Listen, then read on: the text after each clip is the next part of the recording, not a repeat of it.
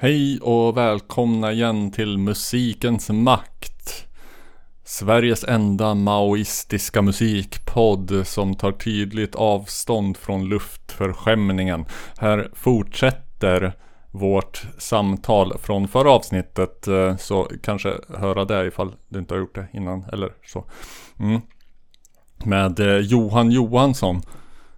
Och eh, det kommer att bli Kjell Höglund, Lars Demian, Lustans Lakejer, Robin Hitchcock XTC, Åkarna Uppman och Sandin, Finn Hits och eh, Ola Aurell med mera. Men inte ska jag sitta här och spoila utan nu kör vi va?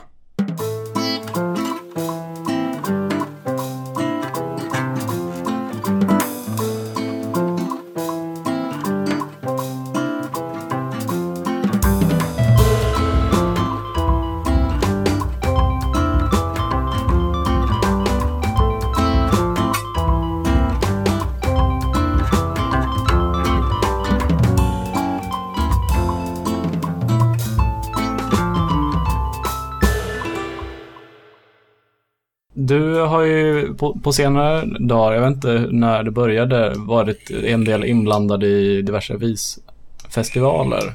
Mm, ja, ja, inte bara festival utan det var... Man kan säga så här att... eh, jag började spela lite själv och i princip så... Så... eh, bara akustiskt, det här var rätt länge sedan, det är nog på 80-talet. Mm. Eh, och kom på det att många av de här låtarna man gjort, de håller ju faktiskt att och, och spela på det där sättet. Och jag har alltid avskytt när man genreindelar grejer. Jag tycker liksom bra musik är bra musik, punkt. Mm. Och så får man kalla den vad fan man vill. Eh, och vissvängen har, alltså sen dess, Mm. delvis på grund av mig och vänner till mig, alltså sådana som Stefan Sundström, Mm. Lasse Demian, och det, har liksom bastardiserat visscenen från att, från att kanske ha varit lite, vad heter det, eh, i, fan jag är så dålig på ord, eh, alltså rootsvisa är det inte längre, utan man blandar upp det med rockmusik och progg och liksom, Mm. och den har blivit rätt tillåtande till att göra precis vad fan som helst. Mm. Ja. Eh, och jag, Började inte där med Cornelis Vreeswijk? Redan liksom. jo, men jag vill säga, Cornelius var väl mer att han, han tog ju liksom amerikanska Ja. eh, folksångare och, Buffy St. Mary. ja, och, och gjorde lite samma grej själv liksom. Men, men visst, men eh, det, det, det, det ligger någonting i det. Men eh, det hände någonting där när man, och då, man kunde även göra, alltså till exempel ett band som Perssons Pack. Mm. Eh, var placerar man dem någonstans? Är det liksom, är det visor? Är det, är det någon slags folkmusik? Eller är det någon Mm. slags rock? Vad, alltså, vad fan är det för någonting? Eller, ja. Eh, Folkrock. Men visor kan man liksom ta, där kan man, där kan man kasta in det mesta liksom. Mm. Vad fan hette de nu? Ulf Sturessons band. Eh, Eh, Traste. just det. Mm. De, de kanske hör till samma Ja, ja visst. amorfa genre eller vad Ja, precis. Och då hade vi, det, vi- det finns, så, nu finns det kvar, i, eller nu finns det igen, ett bokningsbolag som heter RMP. Mhm. Eh, som då hade på 90-talet, de hade liksom hela ligan och de hade Traste, mig, Sundström, eh, Lasse Demian tror jag, Kjell Höglund, Mm. eh, Lasse Winnerbäck i början. Eh, så hela den där ligan och, och det gick att göra rätt mycket med det där när man gjorde prylar tillsammans. Ja. Men sen så hamnade jag på Nalen och då, då fick jag liksom fria händer. Boka in precis vad fan du vill. Och det ville jag göra, så jag gjorde det ett år nere på... När var just, det här? Det här var 1999 tror jag. Mm. Just nere på Alcazar. Och då, och då kunde jag liksom, jag hade en dag varannan, eller två dagar i månaden då, varannan vecka körde jag. Och då, då, var det, då bokade jag verkligen så här. Det var ett raggband en gång, det var något punkband nästa gång och det var verkligen allt med. Och det var ju skitsvårt att få en publik till det. Jo, Det är ju tyvärr lite så. Man, eh, man måste nästan smala in sig för att kunna... Ja, men då kom jag Folk ska på, fatta vad fan det är. då Liksom. kom jag på genidraget att jag startade en klubb som heter Kompledigt. Ja. Eh, som den, där den enda begränsningen vi hade då, det, det var att jag släpper inte på mer än två pers på en scen. Mm. De andra får kompledigt då. Ledigt från ja, ja. komp. Ja. Ja. Eh, och då kunde jag ju boka in vilken, precis vilken musik jag ville och få det nischat samtidigt. Mm. Ja. Så det var ju liksom allt från liksom Ja, sån här rock, The Facer, liksom akustisk, Ja. till, till Jakob Hellman, Alf Hambe, eh, eh, hette det, eh, Docenterna, Stig Wigs enda sologig tror jag, han gjorde han där. Eh, alltså då, alltså då blev själva det här eh, formatet blev genren i sig själv. Mm. Och det älskade jag, just att då, då kunde man bjuda in precis vem fan som helst Mm. som, som var beredd att göra på det, liksom, i den formen. Kan vi hoppa tillbaka lite till Kjell Höglund som vi nämnde här. Ja, Eh, när träffade du honom för första gången? ja det är länge sedan, men, men eh, jag lärde väl känna honom hyfsat bra i början på 90-talet. Mm. Vi hade träffats innan dess, men, men då blev vi bra vänner och sådär och gjorde lite, just eftersom vi var då på samma bokningsbolag, så, så hamnade vi rätt ofta på samma scener, liksom, som gjorde och samma festivaler, så man umgicks lite grann sådär. Mm. Och sen så hamnade jag i hans band, Han hade väl haft sin enda riktigt stora hit då va? En stor stark. en stor stark. Som det är lite, lite tråkigt att kanske var Kjell Höglund då mest var ihågkommen för den Ja, det är låten. ju den absolut mest ointressanta låten han har Ja, gjort, tycker både lite jag och parallell han som jag, som jag dragit här förut då, till, till att vara Frank Zappa och ha gjort allt vad fan han har gjort. Och, Och så kommer Bobby mest Brown. känd för Bobby Brown. Ja. Nej, men och sen så hamnade jag i hans band på grund av att Fabbe Mån som spelar gitarr där, han råkade av en slump bli vd för Hennes som Maurits. Vilket gjorde det lite knepigt sådär. Så att han och jag delade på gitarrjobbet med Kjell när han var ute och spelade. Och sen så, alltså, sen höll vi på sådär i fram till millennieskiftet ungefär. Och efter det så så vi, gjorde- vi gjorde en stor turné. Jag och, jag och Kjell och Winnerbäck och Sundström och Karin Renberg med ett stort 13-mannaband med blås och... Var det bland eh, skurkar och helgon? Ja. grej? ja Mm. det såg jag på någon festival. Ja. Hultsfred kanske. Ja, jätte, jättekul turné var det. Eh, men och sen så... Kjell, Höglund var riktigt i gasen. Ja, minns jag. verkligen. Hoppade runt på scen. Hade sig. Men sen, och sen så... Vi hade väl lite sporadisk kontakt sådär. Han bor ju i Västerås sedan många år. Eh, och sen så fick jag höra att Maggie, hans fru, som var gift med i 14 år, Mm. hade gått och dött. Mm. Ja, i cancer. Och då så, vis av tidigare erfarenhet så gjorde jag en sån här grej att jag hörde faktiskt av mig till Kjell och liksom kolla läget. Och så, för de flesta, när sånt där händer, brukar folk brukar vara lite svårt. Mm. Det är många här, Ja. nej men de vill nog vara i fred nu och, man, Oh. och, så, och så Jo, till slut så blir det inte av alls. Liksom. säg så. Är det för att eh, de, de som då undviker att höra av sig till någon som har sorg, de kanske är mer rädda att få affektsmitta, att de själv blir hemskt deppiga. Ja, jag vet inte vad det beror på, men alltså, det, är inte, det är inte att folk skiter i det, men det är mer sådana att för omtanke och det är, det är en svår, svårt ämne att ta upp och man vet inte hur folk mår och, Nej. och, och, och sen till slut så har det gått så lång tid så då vet man inte vad man ska säga alls. Ja.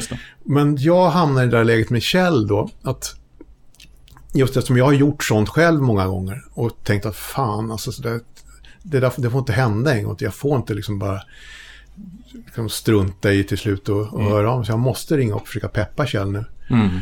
Eh, sagt och gjort. Och sen så märkte jag väl mer och mer så att fan, det kanske är bara jag som gör det. Alla andra kanske är just sådär att de inte riktigt törs eller vågar riktigt ta, ta i det. Mm. Eh, Eller, och så, eller så tänker man att han är Kjell Höglund, han är väl omsvärmad av vänner. ja, Jag tänker alla så. ja, och sen, men sen till slut så fattade jag, men fan han mår ju så jävla, han måste ju göra någonting. Mm. Så jag mer eller mindre tvingade honom och då hade jag den här klubben på Nalen. Mm.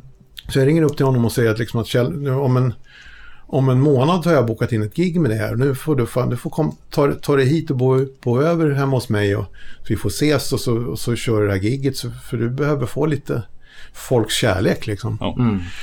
Eh, och då gjorde han det väldigt, väldigt motvilligt.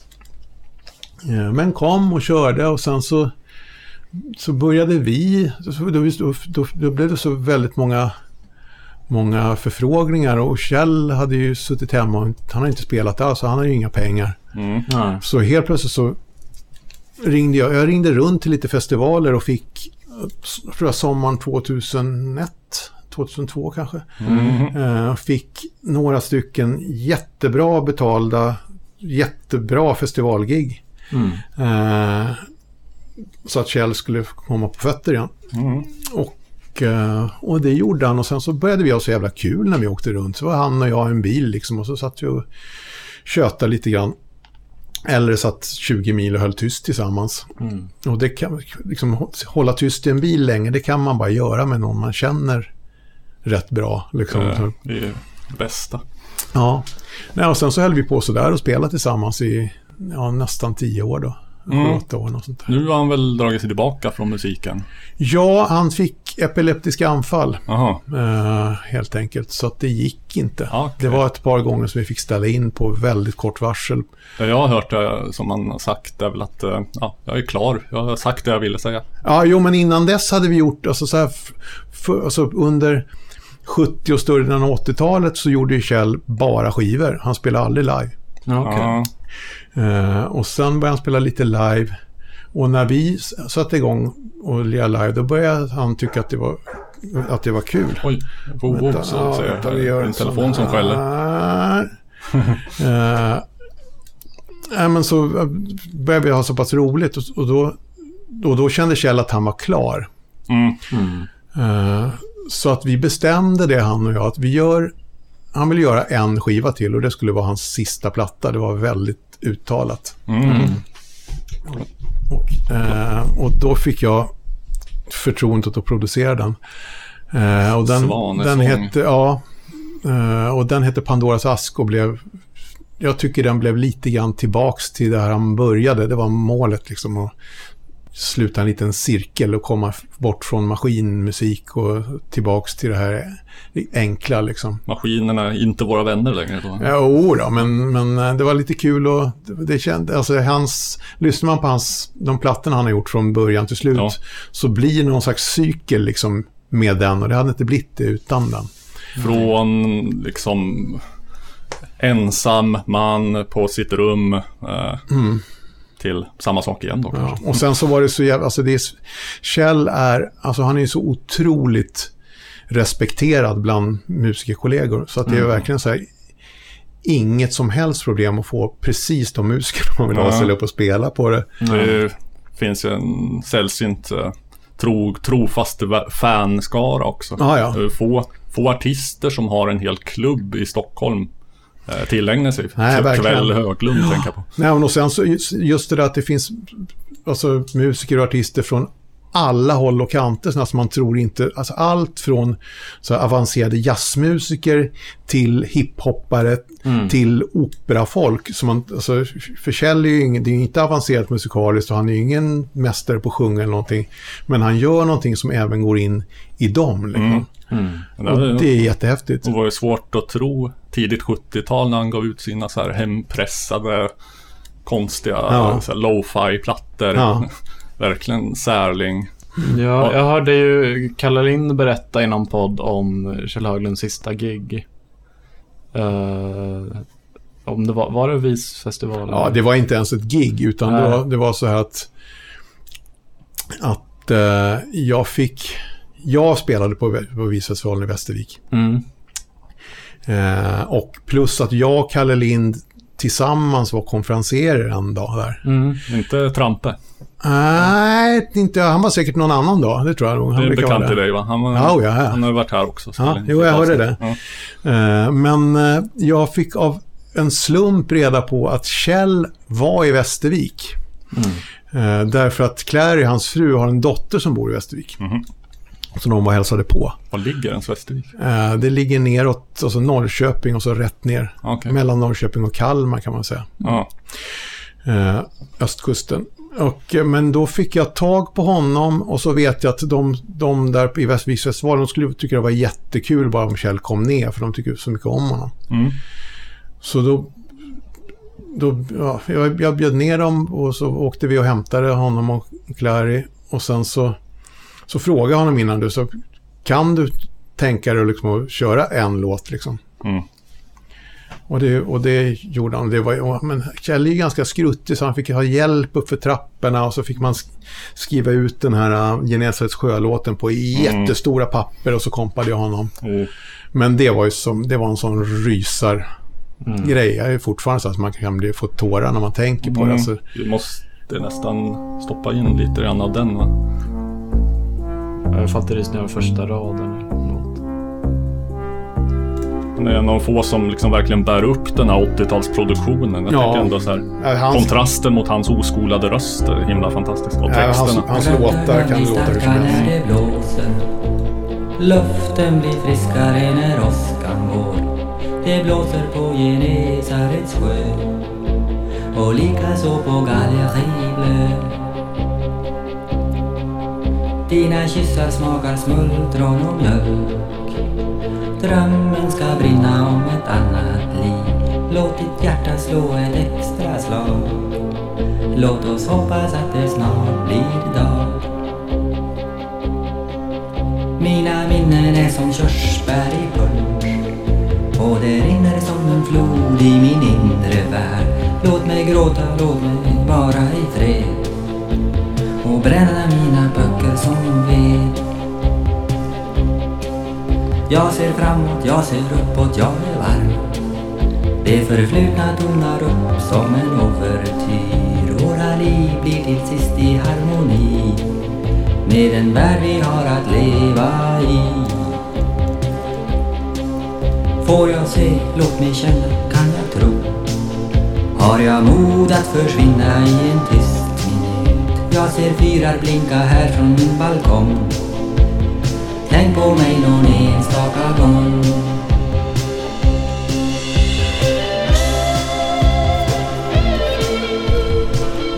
Gåshud. Ja, verkligen. Så Kjell borde ha Nobelpriset, Cornelispriset och alla jävla pris som finns, tycker jag. Ett geni. Han bör väl ha fått något av dem tycker jag, eller? Nej, inte något av dem. Ingen Cornelis. Nej. Ingen karamelladikt. Nej. Skandal. Ja, det är faktiskt det, tycker Jag jag. tycker det tar vi avstånd Jag- från jag håller med. podden. Mm. Men eh, någon, någon gång ska det bli av. Börja driva kampanj. Karamell och diktstipendiet till, till Höglund. Ja. Vet, vet du om han någonsin har varit på kväll Höglund? Ja, Han har eh, ja. Eh, Det måste ju kännas så otroligt konstigt. Ja, men det, alltså det, det, har en, det har en historia. Det är att ja, den här kompledet som jag körde på Nalen blev senare konsert uppe på Kulturhusets tak. Mm. Och sen så slutade jag där och då körde det i fem år tror jag. Och sen så blev det en festival i Köping. Mm.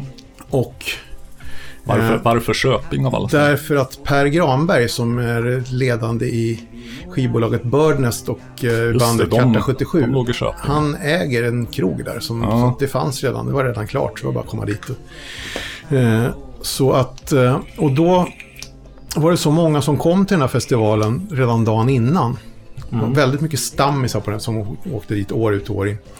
Eh, och det var så många som var där innan så då började vi öppna puben inne i Öger, som stället heter. Och så hade vi öppen scen där. Så då fick oetablerade grejer höra av sig. Eh, för att eh, ja, visa vad de går för. Så det. Eh, och en av de sista åren så, så alltså det var, det var ju rätt stökiga tillställningar de här pubkvällarna. Det var liksom, folk har träffats och druckit öl och liksom tjo- tjohej och tjoho. Eh, Vet man hur Och kan så- gå till i Köping? Japp, och så en av, en, jag tror den allra sista som gick på scenen så är, kommer en liten blond 19-årig tjej som ser väldigt blyg och försynt ut. Och, och så tänker jag att fan det här är inte, det är inte snällt det här. Alltså, jag kommer inte få det kul. Kasta henne till lejonen. Precis. När hon har sjungit 10 sekunder så är det knäpptyst på det här stället. Eh, och hon är så jävla bra. Elinor Brolin hette hon då och nu också fortfarande. Eh, och så att hon kör bland annat ett par Kjell Höglund-låtar. Mm. Så jag fixar in henne, jag hittar en liten spot i själva festivalen när den ska börja. Och sen så åker jag till Västerås. Och hämtar Kjell. Och säger till honom att det här, det här måste du se. Eh, och det här finns faktiskt på en YouTube. Filmat. Eh, Okej. och då kommer, då är det Elinor, hon är ju skitnervös för hon vet att Kjell är där.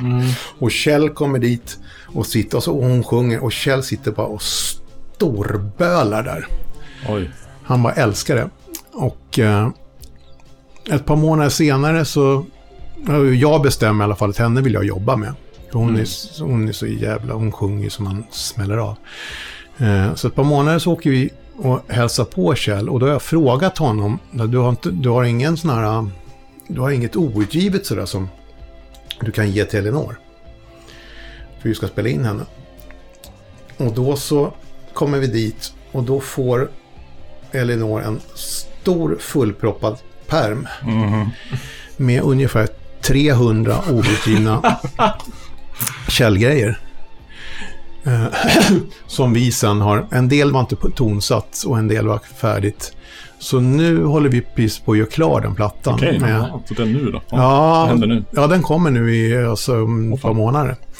Och, eh, och det är samma sak där. Det är liksom inga problem att hitta folk som vill vara med och hjälpa till att tonsätta Kjell Höglunds Nej, grejer. Så det, jag, jag och Elinor har gjort en del själva. Sen, så Näm- här, Nämna Kjell så öppnas alla dörrar. ja, Peter Lemark har varit med och gjort låtar och, och Staffan Hellstrand, Kajsa Grytt och... Oj, mycket. Eh, ja, det blir jätterolig, alltså skitkul grej just att få dem att jobba för någon helt ny Mm. ung person liksom. Mm. Eh, men i alla fall vi spelade på, tillsammans på Kjell Höglund. På kväll. På, på kväll, Kväll på kväll Höglund ja. Tillsammans med, med Kettil Medelius som också spelade Kjell på 80-talet. Mhm. Bland annat, han, han, var med i den här En stor stark-eran liksom. Okej.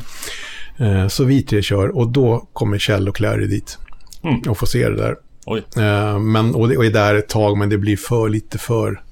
Han håller ju på att bli uppe, sönderälskad och uppäten. Liksom det. Ja, ja svårt så här, eh, hur folk kan ha reagerat. Jag kan tänka mig två scenarion. Att de antingen blir helt, bara flyger på någon som flyger på en sockerbit. Eller att de håller något sorts vördnadsfullt avstånd. Mm, ja, det är nog, det är nog bägge fall så- delarna. I vilket fall så blir det stelt. Ja, men, men det är så, det är så jag, vi känner ju Kjell nära, så jag vet ju att han är... Han älskar ju när folk lyssnar på hans grejer och Mm. tycker om det och allt det där. Men han har ju inte lust att sitta och analysera sina egna prylar och ha folk uppe i, i nyllet. Utan han Ja, är bara en vanlig enkel glad skit som... som alltså han, han vill att folk gillar det och lyssnar på det han har gjort. Men vad hette, Men, eh, vad hette den här damen som du, du sa att det fanns på YouTube det här när hon framför Elinor Brolin. Ja, det, finns, det fins ett par singlar ute redan nu som, Ja. med, med nya Kjell-grejer. Men jag tänker den YouTube-grejen kan jag leta upp. Ja, och, så, jag vet inte om man ska, ska man slå på, ja, slå på Brolin, hitta Kjell Höglund, Köping. Kompledigt kanske. Köping, ja just det. Kan vi länka det sen då? Nej, men hon, hon sjunger, jag har aldrig hört någon sjunga så vackert. Alltså, hon är fantastisk. Det låter lite som du tycker vi ska höra det. Eh, lite på det här eller? Ja, visst, sätt på det. Om du säger att det det, finns några singlar så ska vi se om de dyker upp här. det finns en som heter Ensam som är en helt ny låt. Den fick vi faktiskt upp precis där. Jag sjöng en sång som var för låg för att förtvina. En sång om dina svarta tankar och mina. Vi tänker alla på oss själva. När vi gråter, när vi ler Då är vi närmare varann. Den enda vägen ut ur ångesten du hatar det är att kliva in i alla stackars satar. För när du älskar och förstår När du förlåter Först då finns möjligheten att bli sann. Ensam, jag har alltid varit ensam. Ensam i mitt elfenbenstorn. Ensam och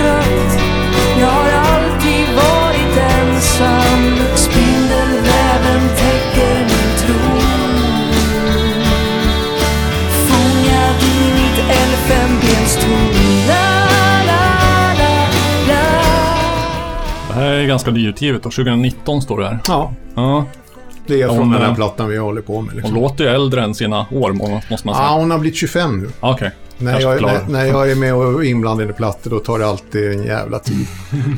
Ja, det kan det få Det- göra va? Huvudsaken att det blir bra. Ja. Påminner lite om, på, på tal om du har varit inblandad i plattor, lite nästan, jag får känsla av tidigt Lars Winnerbäck.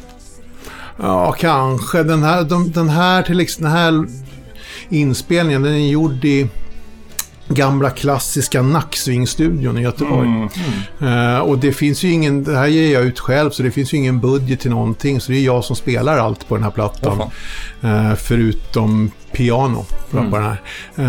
Eh, så, Det här, var det här en Höglund-grej? ja, det är jag som har gjort musiken till den här Ja, och Kjell ja. som har gjort texten. Eh, och det, kan, det, var, det, det var ju samma sak med, den, med i alla fall med den första plattan jag gjorde med, med Lasse Winnerbäck. Eh, Var det och det- rusningstrafik? Ja, där fanns det ju inte heller någon budget alls liksom. Så den är ju gjord, vi, vi gjorde det så gott vi kunde liksom. Mm. Men det, det funkar. Det, var, det, det, är också, alltså det finns ju några sådana artister som man har på jobba med. Kjell var ju redan etablerad när, när, när, när jag fick förmånen att jobba med honom. Mm. Men, men den här grejen just att ha varit med om att hjälpa fram sådana som Winnerbäck och, och Stefan Sundström och så här, det är ju Just jättehäftigt att faktiskt sätta något, något Ja. avtryck liksom i vad folk lyssnar på. Hur, Ja. hur började Stefan Sundström egentligen? Han, för att han... Nu ska vi se, hur gammal är han? När är han född? Han, är, han blev 60 nu, han är född 1960. Okej. Han är ett år äldre än mig. Ja, Han hade Ja. ett band som heter Trots. ja okej. Som var... eh, Som Under punk. Stones eh, punk. Ja, just det. Jo, Han har alltid varit liksom som lill, Farstas Mick Jagger. jo. Eh, han har ju viss... Även ytlig likhet. Och Ja, ja. ehm, har väl också sagt lite, lite raljant att eh, allt efter Stones är skit. Ja, ja men det är han och jag har alltid bara retat varandra. mm. Men, men eh, han hade ett band som heter Trots som slutade sen. Trummisen i Trots blev för övrigt med i Strindbergs som jag spelar med. Mm. Och sen hade han lite småband och sen, men sen så hittade han sin form just i den här att, att ta sin musik och göra mer lågmäld.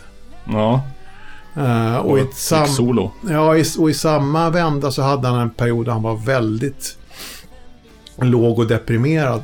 Eh, så då var det jag och pappa Mats och eh, Lasse Bax. Vi, vi hade ett band som hette John Lenin. Mm. Och så vi sa att vi måste ju, vi hjälper Stefan, vi, hittar, vi fixar ett kompband till Stefan. Mm.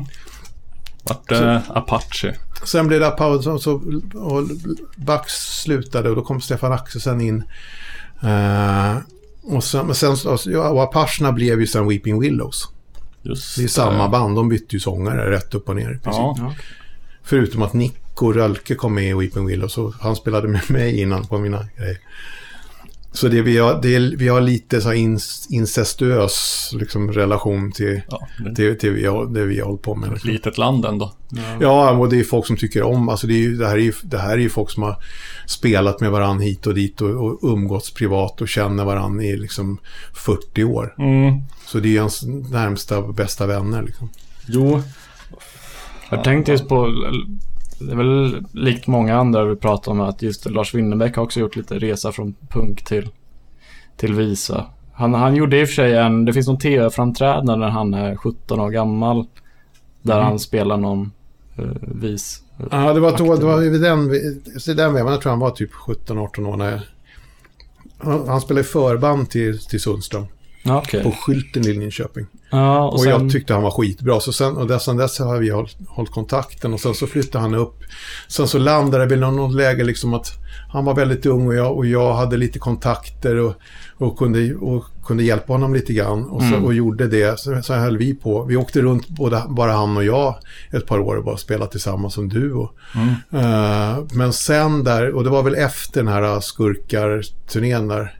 Då hade han blivit så stor i sitt eget namn. Då hade vi Ja. gjort en platta som hette Med solen i ögonen. Mm. Som breakade på rätt Ja. ordentligt. Jag tänkte och på sen, Babyland, men den kom senare. Ja, det är Sundström. Ja, nej. Solen i Winnerbäck. Ja, ja, ja, jag missade, missade att vi pratade Ja. om. Nej, de, kom väl, un, de kom väl ungefär samtidigt tror jag. För då när vi gjorde Babyland, på den turnén, då var ju Winnerbäck, f- då, då fick jag med så att Winnerbäck var som obetald förakt Mm. till Sundström. Så jag hade dubbla gig då. Och ibland till och med trippla, för ibland spelade vi tillsammans med Kjell Höglund. men, men... Så, eh, vänta, det är samma ena på scenen. Ja. Vad en för artist? liksom. Ja, nej, men det skillnaden är väl lite grann med, att med Sund, Sundström och jag, vi har ju vuxit upp tillsammans. Mm. Och vi har ju följts åt liksom sådär. Lasse är mer sån att när, han kommer ju i något läge där han måste ju liksom klippa från Han är väl från Linköping? Ja, jo, Ja. men och han, alltså, man hade hamnat i någon sån här nästan, nästan papparoll åt honom. Liksom, för jag är ju rätt mycket äldre än honom. Jag är Ja. närmare åldersmässigt hans föräldrar än, När är han än honom. Han är född 75, så han Ja. är... Han är, ja, det är 15 år 45 mellan oss. nu. Mm, ja, men så att han, han behövde ju frigöra sig för fan från den jävla gubbe. Han måste ju skaffa ett, Mm. ville ju skaffa ett yngre band och liksom såklart. Men det, det, det, han är ju äckligt begåvad och jag är väldigt, gläder mig mycket att det har gått så bra för honom. Det, det är ju precis, det är därför man håller på med musik, att man vill det är därför man vill sprida musik. Alltså att, att det här att jag vill att folk ska lyssna på, jag vill att de ska spela bättre musik i radio. Mm. Och jämfört med allt annat jag kan komma på så tycker jag Winnerbäck är kvalitet liksom och jämfört med jävligt mycket annat som körs på radio. Så att, Ja, men när... eh, vilka år var det han... eh, eh, var det tidigt 90-tal som han hade snoddas med bland annat eh, Anders Ankan Johansson? ja, jo, men jag, jag producerade faktiskt det sista Snodda spelade in. Jaha. Och det är till den här Cornelis, andra Cornelis-samlingen. Den här flygande holländaren. Då var de, jag tror inte de har spelat in något efteråt. Men det var, och det var första gången jag träffade Ankan också. Mm. En god jävel den. Ja. Eh, men, eh, nej, men de la väl ner där, alltså de la väl ner i samma veva som han började spela mycket själv liksom. Mm. Jag, jag bara kom och slogs av en grej när, när vi pratade med Uje Brandelius. Är det någon bekant till dig? Oh ja, Ja, okej. väldigt fin vän. Ja, för att eh, då, då, pratade, då kom vi in på ämnet att eh, Dr. Cosmos hade ju lite så här att de eh, byggde upp ett litet parallellt universum av låtsasfigurer som de befolkade. Ja. Stjärn-Jerry och allt vad de hette. Ja. Och så försökte vi tänka på fler artister som har gjort så. Tänkte vi på tidiga Magnus Uggla som hade Bobo Viking Ja. och Jerry som dök upp här. Då. Först nu kom jag på att eh, Stefan Sundström har ju också det. Han har ju Sabina och Ja, Jan Vin- Banan. Winnerbäck också. Ja, ja, ja. Hjärtedam och... Och, och, och, och Winnerbäck har ju också alla de där, det finns Fröken Sår och Hjärtedam och jag vet inte vad. Och de där människorna, jag har ju träffat hela gänget och även ibland vart de där figurerna. Ja. Så att, och det kan, vara, så det kan ju variera vil- vilka, Mm. vilka det är, men... Men... Fröken Svår och Hjärtedam har jag träffat. Mm. Och Sabina alltså det, det är och, och, och det där är väl en... Jag, jag har ju aldrig haft något sånt själv. Eh, jag behandlar ju alltid mig själv i princip. Mm. Eh, det skulle vara lite bra, alltså jag kan vara lite avundsjuk på det med, på de här, med, med, alltså Winnerbäck har ju alltid varit sig själv, men Sundström och även Lasse Demian, de har ju gjort sig själva till någon slags seriefigurer. Alltså, Mm. de har gjort karikatyrer på sig själva. Som, och det, på sätt och vis har Kjell Höglund nästan också gjort det som någon, någon allmän grubblande flumfigur sådär. Det är halvguru. Mm. Och det kan vara rätt bekvämt att ha det. Och, och liksom, så, så när man spelar så går man in i den. Då blir man den där seriefiguren. Och sen så kan man liksom stämpla ut och vara som vanligt igen. Den, Mm, ja. den, den har, förmånen har ju inte jag. Är det, är, det, är, det, är det Lars Demian eller är det eh, Stefan Demert som har balladen om den kaxiga myren? Det är Stefan Demert. Demert. Demert, okej. Ja. Nu har vi snöat in på Kjell Höglund, eh, Winnerbäck, Demian, Stefan Sundström. Du och eh, Sundström och även Lars Demian vad har vi sina rötter i någon sorts punk eller i alla fall så här postpunk i rörelse. För jag vet inte, jag har, har någon sån samlingsskiva som är från eh, jag kommer inte ihåg vilket bolag det är men, så här, Stockholmspunk och typ New Wave tidigt 80-tal. Okej. Då, då är band eller figur, artist som heter Demian D. Men jag vet inte om det är det Lars Jo, det är det. Man, det man gjorde en singel på Stranded tror jag Stranded var det, ja. just det, som den är ifrån. Jag tror inte jag har hört den. Nej, ska se om den går att hitta. För att den tycker jag var rätt så- skoj. Den, den kanske lutar lite åt det som, som ni parodierade med 602. Liksom den Ja, det svår, kan, jag- det svår, kan, kan jag tänka mig. svårmodiga poppen liksom. Eh, ja just det, där hade vi den. Det var rätt, rätt så skoj.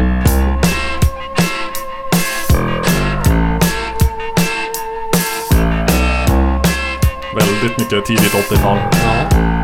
När den gjorde det? Det? är Ah, för imorgon, jag gråter för igår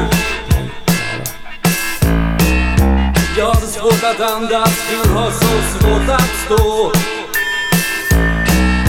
Vi fäller tårar för kärleken som var. Mina egna frågor som aldrig får något svar.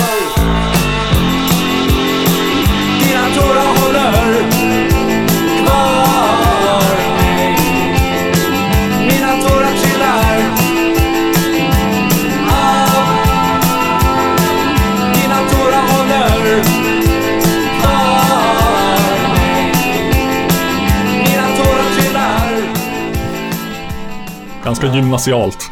Ja, där har det, finns en väldig skillnad på mig och, mig och Stefan gentemot mot, mot Demian. För Demian kämpar ju som en dåre. Alltså han, han är rätt, han är ganska ofta rätt manerad när han, när han sjunger. Ja. Skulle, skulle, Medan- skulle medan- du kunna få micken lite Ja, närmare ja, dig? Eller dig ja. Medans, medans jag och Stefan verkligen sjunger på dialekt, på liksom Stockholms... Oh, ja. Eh, och, så, och jag älskar ju dialekter så jag varit på det med ett par gånger. Så, fan, varför sjunger du inte så? Varför gör du till? Varför sjunger? Men det, fan, du vet, halländska. Ah, okej. Det låter ju inte klokt. och det, jag vet, det kan, då- kanske, det, han kanske, har- låta, låta som Peter Wahlbeck kanske. ja, han kanske har någon poäng i det. Men han har ju verkligen, alltså han har ju mästerligt hittat på den här, alltså figuren Demian. Liksom. Mm. Jo, men det, det här var från i alla fall samlingsskiva från Stranded. 37 minuter i Stockholm city. Mm. Vet inte exakt årtal, men kanske säg 82 eller någonting 83, sånt där. 83 eller något sånt där. Något sånt där. Eh, det kom ju en... eh, Jag vet inte hur, hur... Hur var det när det begav sig? När det ändå så här i punkens... eh, I svallvågorna liksom. I new wave, postpunk-eran. Då började det komma så här borgarbrackor från Åkersberga. Lustans Lakejer och göra musik. Hur, Ja, hur men de där emot? kände vi igen. Lustans var ju, alltså det var ju punkband tidigare, innan. Ja. De hade alltså massa... Eh, först var de punkband, och bra tycker jag. Sen Mm. blev de så här popband i prickiga skjortor och djängelpop. Mm, Sen när de väl började göra plattor, då blev de... Då, då, då, då blev det lite art och depp, depper också. Men jag måste Ja. säga att jag tycker den här första, första albumet med Lustans Lakejer tycker jag är skitbra. Ja. Det är lite närmare, närmare Magazine än så. Har väl inget svenskt band komma. Däremot är jag inte så förtjust i det som kom senare, men den här första tycker jag är riktigt ja. bra. Jo, måste jag hålla med om. Men, eh, och då som hade alltså redan innan det hunnit gå igenom ett par faser trots att de var kanske 16-17 år. Ja, ja, jo, men Kinde är väl, jag tror han är ett, ett eller ett par år yngre än mig, så Ja. han var väldigt ung. Jo, alltså, Och, och, och, förmo- och det är väl då... Det är väl, det är väl när man är ung och lite osäker som man fixar till de där kulisserna och, och manerar och Mm. försöker vara någon annan än man är. För man tror inte att man själv räcker till. Liksom. nej, för jag, jag kan ju, som inte riktigt var med, kan ju ändå tänka mig att eh, eh, vi har så här Ebba Grön från Rågsved och KSMB från du var från Skärholmen, var de andra också från Ja. samma? Ja. Som åker runt på ungdomsgårdar och eh, ja, gör, gör, gör den grejen och så kommer någon från Åkersberga och sjunger att jag Jag läppjade på champagnen och jag insåg lite sakta hur moralen ändå hade malts till Ja, sand. ja men då, då, ska man, sen ska man, då ska man ju veta vad, vad Åkersberga är för ställe. Det är, Ja. det är ju raggarhåla med, med, alltså det är ju, det är white trash och SD-varning blandat med lite hantverkare som har jobbat svart så de har byggt fina kåkar. Liksom. Ja, den sorten. Ja, ja. Eh, men, men, men eh, så att jag menar för dem, alltså det, det steget, alltså det är inte, det är inte så att det var fint i Åkersberga. Ja. Ja, jag vet inget om Åkersberga faktiskt. Nej, jag tror att de, alltså för, för dem hade det varit ett mindre steg att, att vara som de var om de hade kommit från söder. Mm. Men det finns, jag tror att där det gavs ut någon samling för länge sedan, se- någon CD då med kanske sådana stranded-låtar, så här, New Romantics och mm, Lustans Lakej och den grejen. Så citat från eh, någon sån gammal eh, räv, rockskribent, kanske Mats Olsson eller något sånt där, Jan Gradvall eller någon sån, från tiden. Här, Få bort borgarungarna från rocken. Ja, men jag vet inte fan, men alltså... KSMB behövde ju aldrig på hemmaplan aldrig liksom springa gatlopp för galna raggare som kastar träskor. efter, Men det Ja. fick Lustans Lakejer göra. Det Jag kan jag tänka mig, fast det, det ska väl ändå ha varit en viss clash mellan punkare och raggare när det begav sig. Ja, men inte, inte, ja, det var det utanför Sex Pistols på, när de spelade på kåren. Mhm. Men det försvann väldigt tidigt. Mm. I Stockholm. Det, när, man, när man spelade typiskt i Skåne och Dalarna, då, då kunde man råka ut för raggare som kom och muckade, liksom, men inte, inte i Stockholm. Faktiskt. Och inte, de står inte i Malmö och Göteborg heller. Men just det var, var min, mindre stä- Jag tror den där grejen berodde mest på att innan så hade ju liksom raggarna varit liksom fullast och fulast och skitigast och farligast liksom. Och sen kommer punkarna och blir sedda som det på något sätt. Man klampar in på deras träskrevir på något sätt liksom. Och det, det ville de ha i fred. Ja, fan nu sitter jag och letar efter en låt. Får jag bara upp fel jävla versioner här. Men den där kanske. För att den här måste jag ändå ha slagit in eh, någon sorts kil mellan raggare och punkare.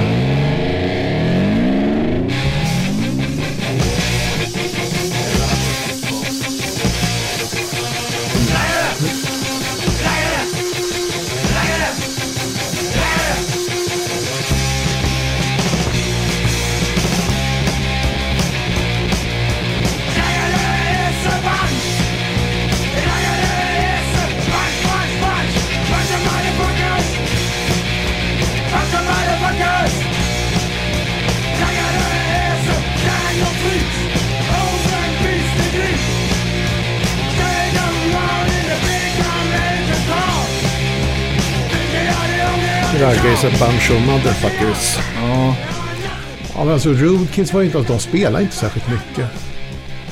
De var, jag kände ju Böna sångaren. de är kända för den här. Ja, jo, men de, alltså, de var ju några jävla på att ju- att marknadsföra sig. Mm. Men de gjorde inte många gigs. Ja, De alltså, spelade här och där någon gång ibland i, i Sverige och så, och så fixade de till så de fick spela förband på klubbar i London några gånger. Och det var medialt jävligt intressant för det gjorde ju ingen annan.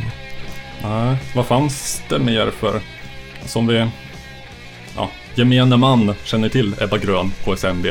Vad, vad, vad var det som var stort när det begav Alltså vilka hängde ni med kanske? Spelade tillsammans med? Som, ja, Kompisar med? ja, alltså det var ju Stockholmsband. Det var, ja, det var de här, Grisen skriker, Ebba. Eh, man kände ju alla de där, Usch och Tant Strul och Pain. Alltså, jag, jag kände de flesta. Mm. Och det var inga sådana här, alltså medialt och bland somliga av de här banden fanns ju någon sån här litet clash mellan, det fanns de här posörband som sjöng på engelska och, så, och de tyckte att vi var kommunister och, Ja, och, och vissa av oss tyckte att de var posörer liksom. Eh, men jag har aldrig upplevt det själv. var det gal- de så kallade gallerianpunkarna som var på Ja, men där var det också rätt blandat. Men alltså, jag vet inte. Jag känner att jag har haft rätt god relation med alla de där. Man, man delade scener med dem och, och blev polare. Det är- många av, dem, många av dem som jag träffar fortfarande då och då. Mm. Och de här tidiga relikerna. Jurassic Park brukar man springa på varandra ibland. Ja, På de mest konstiga ställen. Ja. vad ska vi... Jag har ett inslag. Ja, Ska vi hoppa till det Eller eller? kan jag hoppa tillbaka efter det? Ja, kan- då kan jag få rensa hjärnan lite grann här. När, eh, för att det här kan vi... vi har, Lo, Love har ett fast inslag. Vänta lite grann. Okej, du har köat upp någon låt där eller? Eh, Eh, ja, men... eh, och det knyter väl ihop gan- ganska fint med, med dig egentligen. Eh, det fasta inslaget Love följer Robin Hitchcocks eh, Ja! liv och verk. För att när vi hade Tramp här så överraskade han ju med att eh, du eller var det John, Lenin. John Lenin hade gjort en svensk Ja, vi måste ha varit Robin Hitchcock-cover. först att tolka Robin Hitchcock i mm, som fick godkänt av Love. ja då. Men, ehm, ja, vid vignetten. Ja.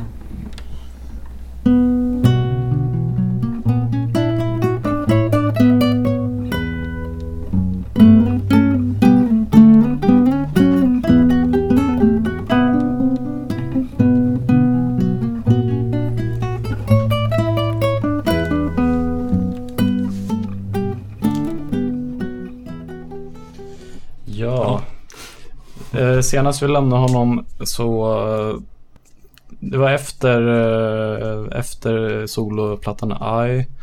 Eh, så, så hade han gjort en... Släppt en skiva med en del så här outtakes och låtar som inte kom med på albumen som jag spelade kring så här tidigt 90-tal. Sen släppte han med, med Egyptians släppte han en skiva som inte är jättebra som heter Perspex Island. Um, men efter det kom en, en, en väldigt bra platta där eh, jag kommer bara spela en låt från den men jag vill spela hela. eh, som, Ja. Han spelade in den eh, skivan Respect och skrev den låten precis efter att hans pappa hade gått bort. Och hans pappa var soldat i andra världskriget för England. Mhm. Och- Du ska, ska inte vara så pass plikttrogen så att du drar igenom den dåliga skivan då, utan hoppa Nej, nej. på. Ah, okej. Ja, ja. Ja. Um, den är väldigt speciell låt. Hans pappa rött. Vad gör han då? Han skriver en låt som heter The Jip Song. Jipp. Ja.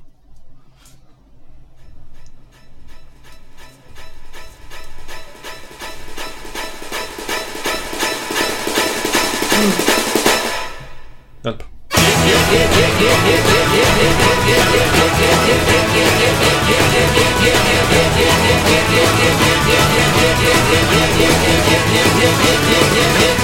This old man, he was flesh. They wheeled him in upon a trolley. Virulin, virulin. Draw a window on his skin now. Virulin.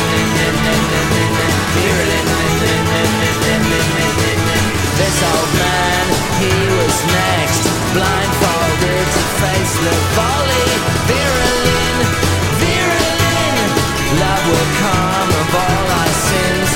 Painted on my tail fin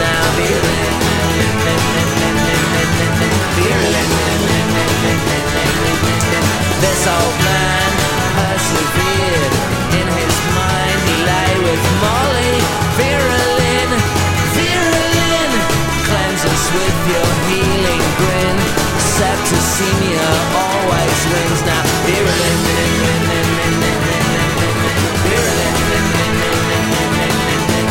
Come high, come low. Blood is precious, yes or no. I believe in surgery, and that's a fact. I believe in making it easy. I believe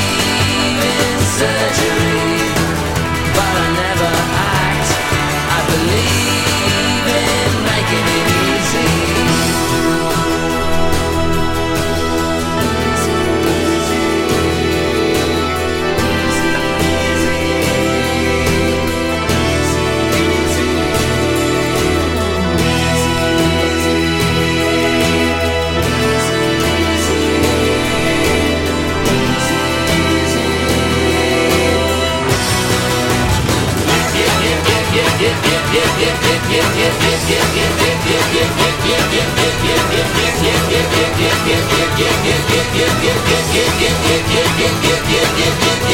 This old man, he was gone, he was gone, and I was sorry. Down I spiral, down I spin, forces sleep.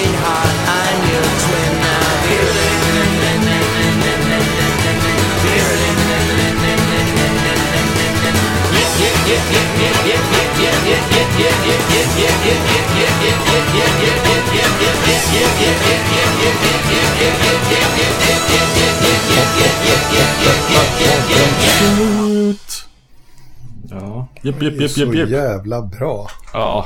Love the guy. Du är Hitchcock-fan också. Ja, sen jag, jag måste erkänna att jag tappade bort honom ungefär Alltså när han, när han gjorde major, alltså runt de här... Uh, jag, jag, nästan allt med Robert Hitchcock har jag på vinyl. Så vad heter de där Global Frogs och Queen Elvis och de där, Ja. Efter det så sumpade jag honom lite grann. Förutom att jag försöker se honom när han spelar live. Ja, ja, jag har en dröm bara att se honom live. Han har inte spelat i Sverige på ett bra tag. Nej. Han brukar bara komma till Norge. Alltså, Jag, eh, en liten dödsruna att... eh, just nu kommer var- ingen till Sverige. Två veckor sedan så dog Ve- Vera Lynn. Eh, som han sjunger om i Mhm. låten. Eh, Det var en eh, brittisk eh, sån, sångerska som uppträdde för soldater. Robin Hitchcocks farsa jag läste jag förresten var ju även författare. Ja, Och om man ska knyta ihop prylar, han gjorde, alltså, jag vet ingenting om om han egentligen, men jag vet att han skrev, finns en film som är baserad på en av hans böcker som, som heter Percy, där Kinks gjorde soundtrack ja. Mm. på någon gång på 60, ja 67 eller något sånt där. Mm. Ja, senare tror jag. Det var efter... Uh, ja, jo. Ja, 67, 68, något sånt Ja, där. något sånt där. Han, hans pappa var också en fantastisk eh, målare. Eh, Ja, vilken jävla fantasi den här snubben har alltså. Ja. Det är grymt. Hur kom det sig att... ehm, när, när spelade ni en eh, svensk eh, Robin Ja, så här var det. Att, alltså det var, här var ju före nätet och sånt Jo. där. Jag hade ju lyssnat på Soft. Jag tycker fortfarande något, det bästa han har gjort i Underwater Moonlight med Okej. Soft Boys. Det är ett mästerverk alltså. Mm. Eh, men sen så, ja, så låg jag, dels låg jag som artist och det så jobbade jag ibland på, på MNV. Mm. Och MNV hade då även hand om lite lablar för, för distribution. Han, han gjorde sina plattor på ett bolag som heter Midnight Music. Mm. Och jag, då, och jag vet ingenting om det bolaget. Jag vet, jag vet ingen annan som har gjort skivor där. Men, Nej. men eh, av någon anledning så fanns det... De, de, MNV hade även så här Rough Trade och Factory och Mm. sådana lablar. Liksom. Mm. Men helt plötsligt så, så låg den här Fegmania-plattan där. Mm. Eh, och var, jag hade inte riktigt lagt ihop två och två att det var han från Softboys. Okej. Men jag lyssnade på den där och tyckte att det var, tycker fortfarande att det är en svinigt bra platta. Ja. Eh, och så kollade jag upp och den, alltså den hade, sålt, den hade sålt så jävla lite. Alltså det var tvåsiffrigt och jag tror jag för mig att det var någon sån här, jag för mig att det var 17 exemplar. Mm. Eh, för, och, och för, en sån, för en sån bra platta. Så att vi gjorde en svensk version av den här låten Heaven. Mm. Och det var rätt mycket för att få folk att lyssna på, på Robin Hitchcock. Lycka, Ja. Lyckades det? Eh, jag vet, alltså jag, det, det borde vara den, den låt som Robin Hitchcock har, har varit in, som han har varit inblandad i som har sålt klart mest i Sverige, det tror jag. Mm. Okej. Eh, den sålde några tusen ex den här singeln och det har nog ingen av hans planer gjort. Har, har du fått feedback från Hitchcock själv om? Har ja, nej, inte, ja, jag vet att han har, jag vet att han har den och att han, och att, och att jag har fått godkänt för den. Han, eh, han umgicks ju en del tidigt 80-tal med eh, Captain Sensible från Ja, The jo. Han är väl, Captain Cess är Robin Hitchcock som är med på hans plattor, De tror jag. fördömda? Ja, jag tror inte Captain Sensible har... eh, De men- men- två lirarna ihop, alltså Captain Sensible har jag ju träffat på några gånger, alltså de två tillsammans Mm. måste ju vara jävla freaks alltså. Ja, också nu har jag, jag har inte lyssnat på den jättemycket men eh, Robin släppte en, en eh, EP eller vad det var eh, härom i vintras tillsammans med Andy Partridge. Ja, det var ju vilken jävla kombo, Ja, satan. XTC är också någon sån här husgudar. Ja, ja, ja, ja, ja. Och det de har gemensamt med Robin Hitchcock tycker jag, det är ju att en del av det de har gjort är så jävla bra, men det är, de är, det är alltid lite ojämnt. Mm. Men det är lite Oh. det som är charmen också. Men det är sällan de gör något så här riktigt rakt igenom helgjuten platta utan, utan ett enda spår som man hoppar över till slut. Liksom. Mm. Men det som är bra är desto bättre. Ja, Jag fick eh, bara lite feeling för en... det är nog min, minst favoritlåt. Va? Nej, det är nog... Jag tror att, eh, ja, då kanske jag kommer ihåg. Ja, nej, nej. Jag, tror att Jag det såg Robin Hitchcock jag förresten i, alltså var, några år sedan, kan det ha varit i början på ja. 2000-talet så var han ju helt plötsligt så spela i, på Debasers eh, nere vid Slussen. Mm. Gratis. Jaha. Med R.E.M. Alltså de här... eh, Mm, mm. Det var i princip han. De hette någonting... Ja, fri- Venus... eh, Vin, ja, just det. Så jag plötsligt är de på någon sån här frikväll där. Står och lirar, han och Peter Buck och liksom. Mm. Då var den här R.E.M. som allra störst. Helt sjukt. Mm. Ja, han var lite tidig där. Eh, Peter Buck spelar väl på något spår på, på Globe of Frogs tror jag. Ja, det gör han nog. Jag fick bara lust att sticka in med en, en minut eh, XTC och det är tydligen inte Loves favoritlåt. Jag tycker om den.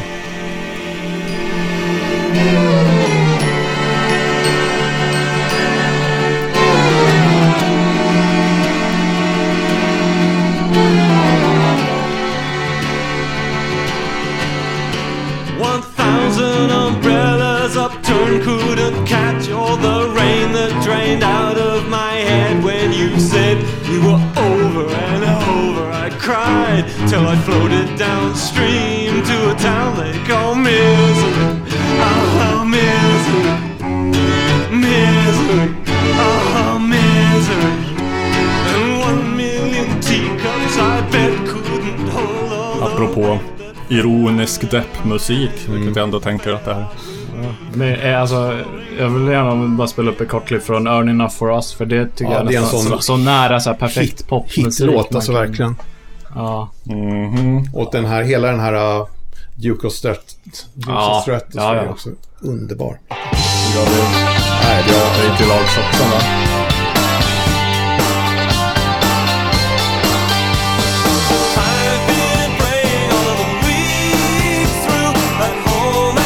Earn enough for då är därmed mindre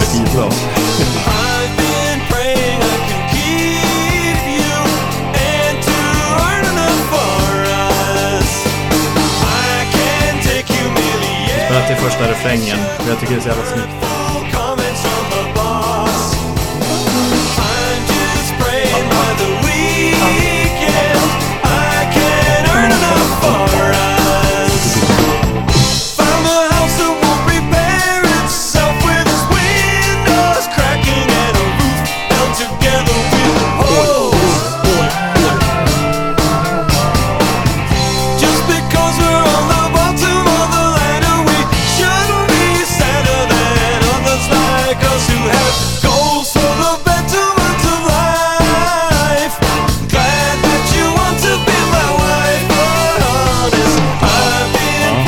Producerad av eh, Todd Rundgren. Yay! Och de pratar vi lite om... äh, Oj, det var före inspelning. Ja. Väl, ja just det. Ja, en sån här, det här är också sån Hjältar. här må, måttstock för en sån här låt vill man göra. Mm. Eh, Den skulle jag vara väldigt, väldigt nöjd med. Kvalitetspop. Verkligen. Jo, tog eh, 60-talsarvet vidare med bravur. Ja, eller liksom det är väl, det, det är arv, arv, det är, det är rötter. Det är Mm. liksom, det är vad man är, vad man har i, ry- i ryggmärgen på någon vänster. Mm. Ja. Men då har vi mer att gå igenom här innan vi går på nästa fasta inslag. Eh. Love, någon spontan fråga, tanke, fundering? Nej. Eh, men jag tror att eh, kanske Johan har något att spela på eh, nästa inslag. Jaha.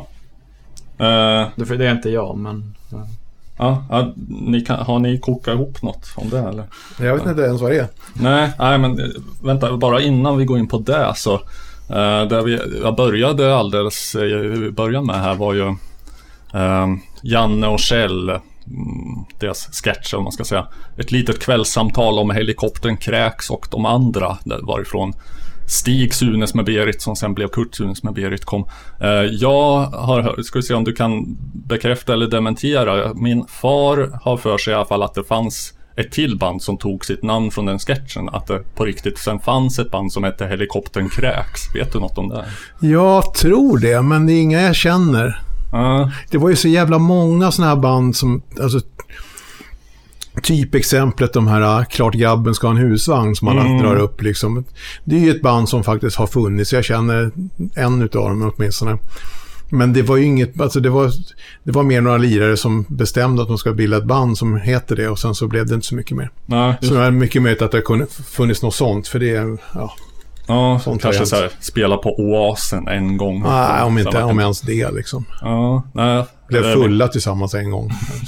Mitt, mitt favoritexempel på bandnamn som jag även har fått ifrån min far är, fast de var tidigare då, eh, Anna kokar fem ägg, jag är värd i huset. Ja, det är hyfsat. Mm. Jag, gjorde- jag gjorde ett helt program med Kalle Lind om punkbands Ja, just det. namn också. Mitt, mitt favorit är ju 40 kilo ris rätt upp i fittan. Ja, Vem fan vem som har kommit på det? Dricka sprit är väldigt fint. Kärnfullt. Åka bil. Fast det var ju trallpunken. Åka bil. eh, Jag har gjort massor med plattor Mm. med eh, sångaren Åka bil. Okej. Eh, Han heter Christian Edgren. Det är han som har spelat in Winnerbäcks skivor till exempel som jag gjorde. Ja, okej. Han hade en studio som heter Traxton. Där, så han, har, där han har spelat in jättemycket. Bob Hund och Olle Ljungström och allt möjligt. Bob Hund va? Han sjöng i åka, eller sjunger fortfarande i Åka bil. Ibland. Okej. Ja, eh, jag får... Det, var, det har väl med åldern att göra, men jag var ju inne på sån trallpunk Birdnest. eh, Mm. eh, definitivt 50 spänn skivorna. Uh, bara man aldrig någonsin ser ettan, den är rätt svår. Antar att du kanske har den? Ja, den borde jag ha. Ja, Någonstans. den är nog värd en liten slant. Ja, det är nog sånt där som är på en av de få CD-erna som Jo. kan vara värd en del. Ja. Men sen så får du inte sälja den för mer än 50 spänn vet du. Det står ju på. skulle jag inte göra heller. Då får jag stryka upp här. Ja. Nej, men det, men det fanns rätt, det fanns ju mycket. Jag, gjorde ju, jag provade ju ett par plattor med Lyckliga kompisarna. Mm. Eh, den här Hockeyfrilla-plattan bland annat. Mm. Eh, och så fanns det, jag, jag är person, jag älskar ju ett band, band som heter Stukas. Som gjorde, de gjorde två album. Engelsk, de lät väldigt mycket, vad fan är det de heter? De här typ Descendants, uh, All, de här banden. Mhm. Amerikansk, jävligt snabb, liksom snortajt eh, punk liksom. Ja, ja. Mycket stämsång. Okej. Lite- Intressant. Eh, jo, jag har ett litet horn i sidan till DLK och just hockeyfrilla, men det är mest för att eh, eh, den, var, den var jättepoppis när jag gick i kanske sjuan, åttan. Och, eh, och då hade jag så här, jag, jag, jag hade inte hockeyfrilla. Det var ju det töntigaste man överhuvudtaget kunde vara, ha, även innan låten tror jag. Och, men eh, jag klippte mig inte så ofta, så blev det så här att eh, man klippte en kort frisyr och så, så när det vart längre så såg det ut som en hockeyfrilla. Så, så gick tuffa killarna i korridoren och, och, och sjöng bakom ryggen på ho, ho, ho, hockeyfrilla. Kan, kan du be- jag vet inte om du har en insikt i det. Kan du bekräfta ifall den här eh, Världen befolkas av mig, mig och mig och mig, bara mig och min mamma. Om den handlar om Carl Bildt. Nej, det handlar inte om Carl Bildt. Den handlar om Mart Hellgrens pappa. Säger han själv i alla fall. Aha. Det är även han då som är Egon. Nu har ni Eh. tappat mig här. Jag antar det, annars får, annars får Mart slå mig på käften. Ja. Ska, ja men vi river av eh, det fasta inslag som heter... Bizarra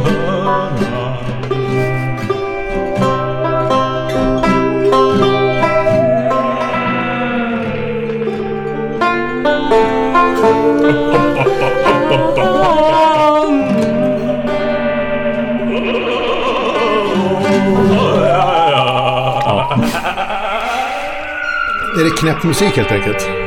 Ja, Nej, eh, nu, nu, nu har ni träffat rätt. vi har det alltså. Ja. Har du, har du hängt på Klubb Sunkit exempelvis? Ja, ja, jag har spelat på Klubb Sunkit och känner... Okej. Kan det ha varit någon gång när...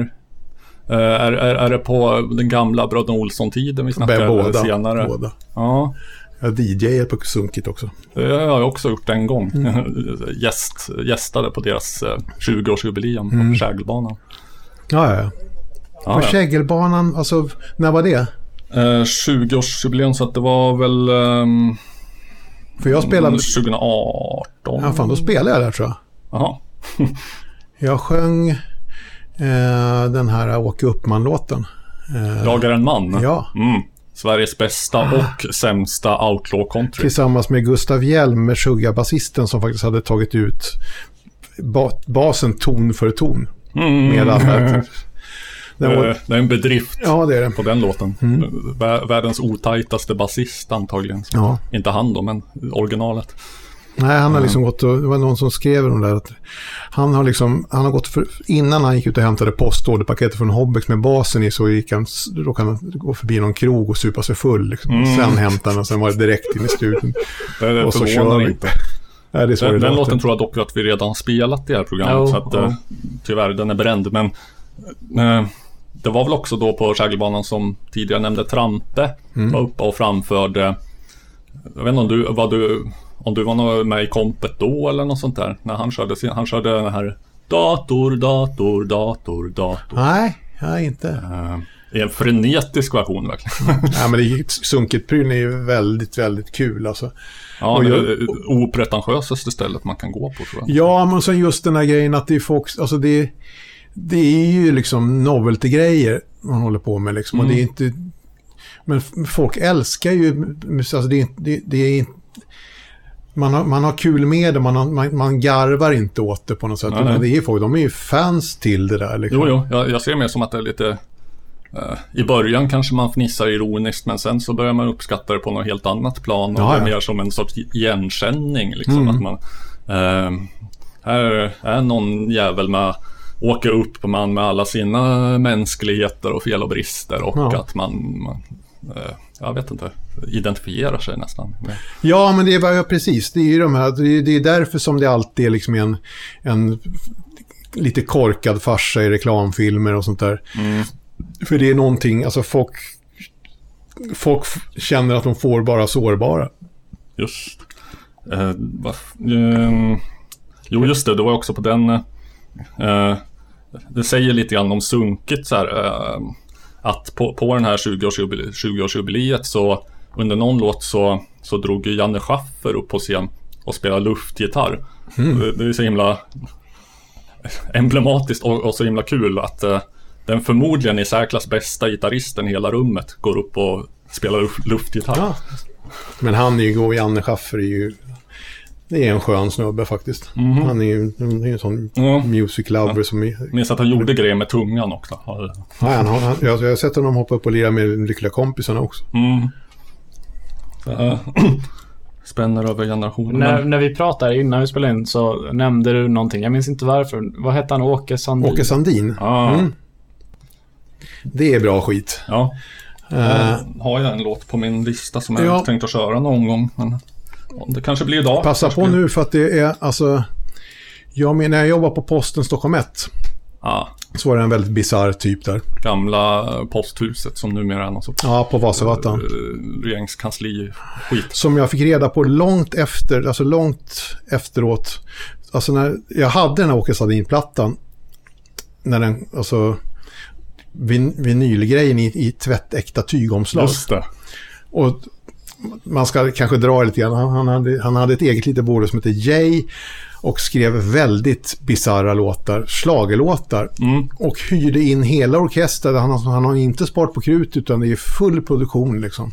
Som han ruinerade sig på sen. Ja. Så jag stötte på honom då när han satt och sorterade post. När han förmodligen jobbade ihop till de här skulderna. Mm.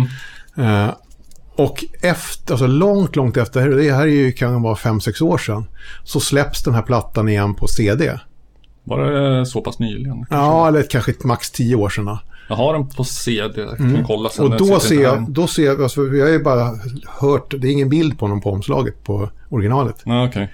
Och så här, fan, är det han? är det han?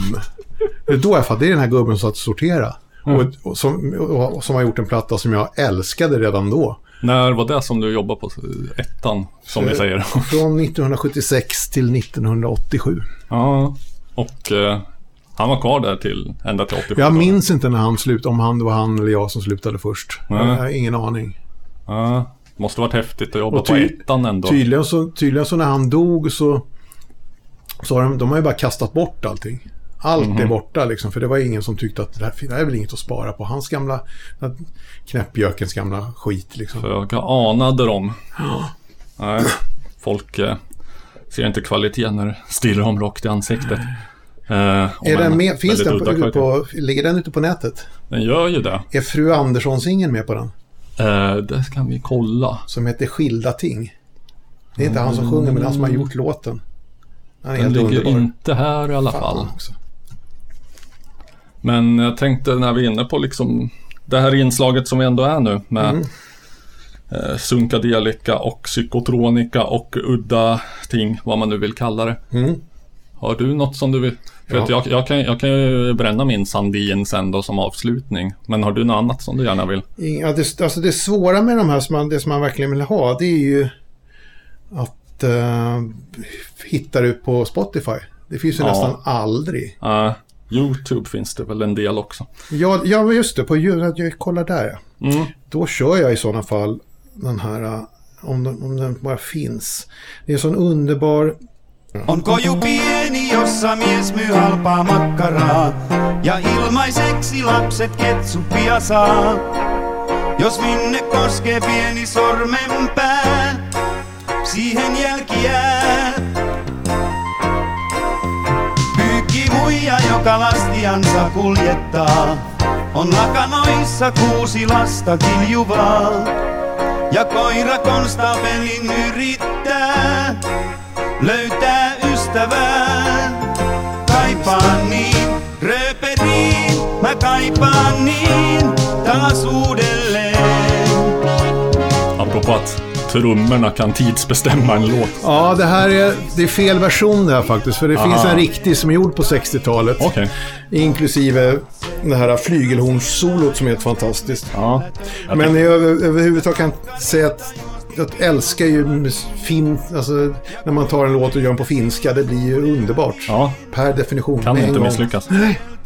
Jag tycker nästan att uh, de biiga trummorna tillför något också. Ja, jo, men det var... Det, det var Lite Eilert Pilarm det var bara det var, det var inte det här jag letade efter. Men vilka är det här? Det här är Peppe Willberg. Mhm.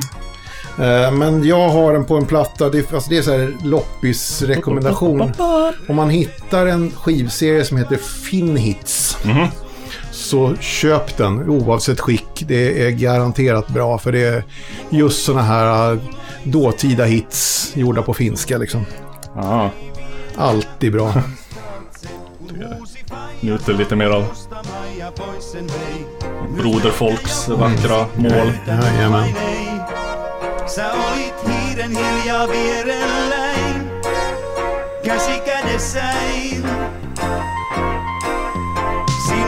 kanssas vielä kerran päästä tahtoisin, mut vuodet vierineet sen estää kuitenkin.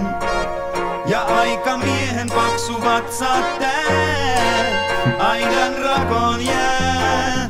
Kaipaan niin rööperiin, mä kaipaan niin taas uudelleen. Muistot suloiseen, vie lapsuuteen, niin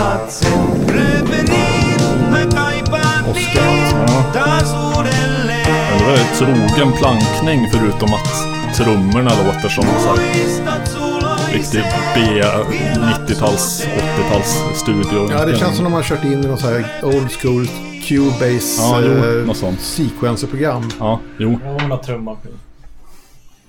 Ja, ja men det var, ju- det var fint. Fin hit. Ja, det var bara så här exempel på genres med, med kvalitet tycker jag. Mm. Då tycker jag, eftersom vi ändå har pratat oss varma för Åke Sandin och ändå har en för detta arbetskamrat till honom här. Så, och så, nu, nu börjar vi nä, absolut närma oss slutet på avsnittet och kanske ni som lyssnar ligger och eh, ligger och ska, ska sova så sött. Och då passar det väl bra med en liten vaggvisa på det.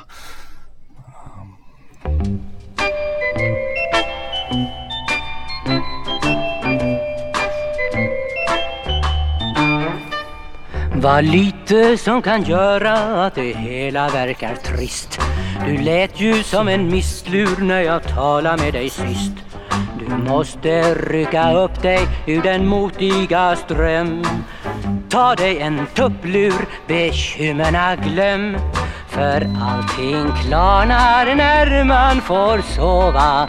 Glöm inte det när tankarna är dova. Det har en rent förunderlig verkan. Då sjunger du bättre än trasten och lärkan. Pröva själv och känn sen efter att Sova, ah, det är ett slags semester. Receptet mitt kan du få fritt. Det är inget dumt påhitt. Vad lite som kan göra att du kommer ur balans. Felet kan vara hennes, men också vara hans. Du ser inte tingen i dess rätta proportion. Trist blir hela livet genom missriktad passion. Ja, ja, ja, ja. Men allting klarnar när man får sova. Glöm inte det när tankarna är dova. Det har en rent förunderlig verkan Då sjunger det bättre än trasten och lärkan Pröva själv och känn sen efter att sova ett slags semester, ja det är skönt att tuppa av. En tupplur jag ställer som minimikrav Ja det är skönt att tuppa av. En tupplur jag ställer som minimikrav Love sitter och gäspar här lite.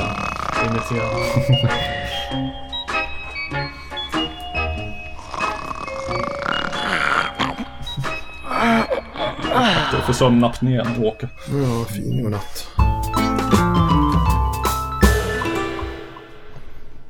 Ska vi säga att vi är klara där? Jag vill också spela en godnattvisa. Snälla. Ja, får du gärna göra. Jag såg att du har Tom Lehrer. Ja, Har du hört Ola Aurell? eh, det kan jag säkert ha gjort. Det är svenska... Jag har gjort tre, fyra album med honom. Mm. Han gjorde en godnattvisa. Ta in den kan du. Så kan du. Ta med Kan den du vi vill. gå ut på den då? Den här är jättefin. Ifall inte alla sover redan. Ska vi säga våra ord och så avsluta Ja, vi ska väl kanske säga sådana saker som att eh, eh, jag vet inte, gå in på The Facebook och gilla och eh, skriv positiva recensioner. Häng med i den störtflod av positiva recensioner som väller in. Eh, och eh, stötta Loves ständiga kamp för fysisk överlevnad via Patreon. eh, Där man kan lägga in en slant. Det finns länkar här och där och sånt. Ja. Ehm, Johan Johansson tackar vi så himla mycket för din medverkan. det var Tack jätteskoj. Det var trevligt att komma tillbaks. Ja, det, det är klart att det är. Uh, även om jag tror att det har förändrats en del senaste. Ja, men jag min, min grabb bor här så Okej. jag är här ofta. Det är hipsterträsk det har blivit. Det har blivit det ja. Ja. När, jag, när jag flyttade hit för 13 år sedan så var det fortfarande ett ställe som folk nästan lite varnade en för. Det hade gått när, jag, när jag var liten, det, var, det här var liksom sniffarförorten nummer ett. Ja, okej. Det var inte Rågsved som var utan Här Rågsved, det var mer heroin och lite... Drogsved. Ja. Ehm, men eh, har du något på G eh, som eh, spelare släpper något? eller? Ja, jag sa det jag ska, det jag ska släppa är ju... Eh, ja, Ellen Brolins platta då med Mm. Kjell Höglund. Grejer och sen så ska, ska jag ge ut ett par utav mina gamla... Mitt gamla skit på vinyl. Okej. Eh, det kommer väl under hösten kan jag tänka mig och sen så ska jag vara runt och spela själv. Mm. Sådär. Lite grann. Som vanligt. Jag är för dålig på att eh, göra karriär och sånt där så jag... Ja, ska spela på mm, lite mer virtuell visfestival nu snart va? Ja, just det. det blir, just det. Nästa vecka ska vi spela på Västerviksfestivalen. Det Ja. måste vara den enda större festival som faktiskt blir av i år. Förutom att det blir en publik på 50 pers eh, på plats. då. men det är en jätterolig idé för de har kört då... Alltså det här är 50-50 år som den festivalen är. Ja. Och synd eh, att synd bryta. bryta sviten liksom. Ja. Så nu så kör de då... De kör festivalen, streamar ut den gratis Mhm. och bjuder in 50 stycken ur personalen på lasarettet i Västervik som får vara där och titta. Synd att inte det tajmar med den här uh, helgdagen för vårdpersonal. Precis. Får hissa min flagga där åt dem. Eller applådera åt dem. Ja. Ja, ja. Ja, så det är väl det. Ja. Får vi en... eh, Ja, nu kommer en godnattvisa. Vaggvisa. Oda Aurell. Det här är fantastiskt. Så, eh, ja. Vänta, vad fan. Så. Ja, så. Den är på. Nej, jag har dragit ner volymen. Så. Ja, jag har dragit ner volymen. Där. Vänta.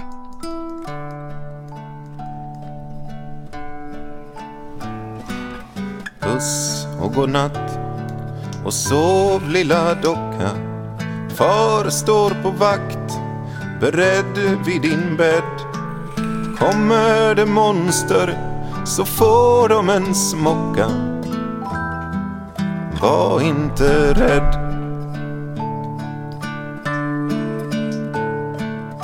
Allting är tryggt här, far ganska nykter.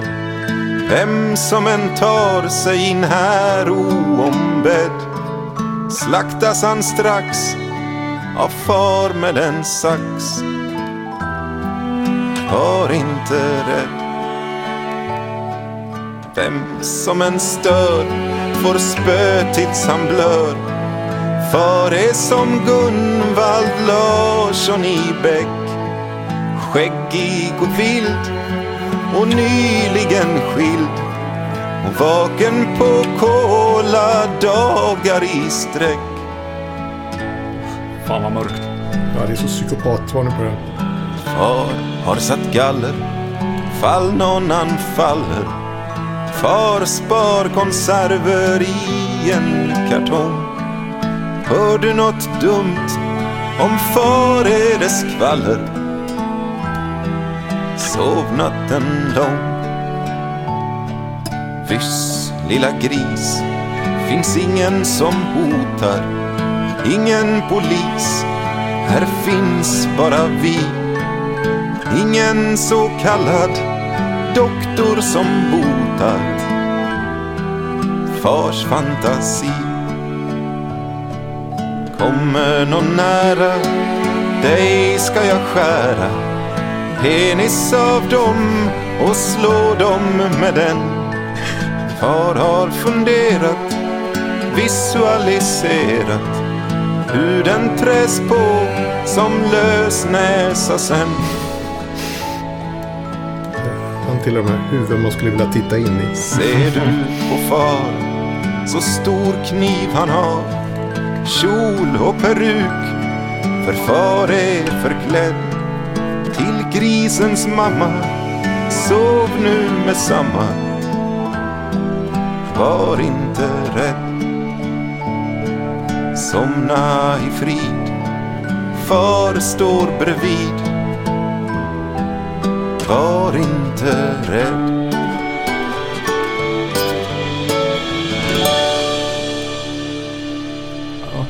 Nu tror jag alla somnar tryggt och lugnt. I my god.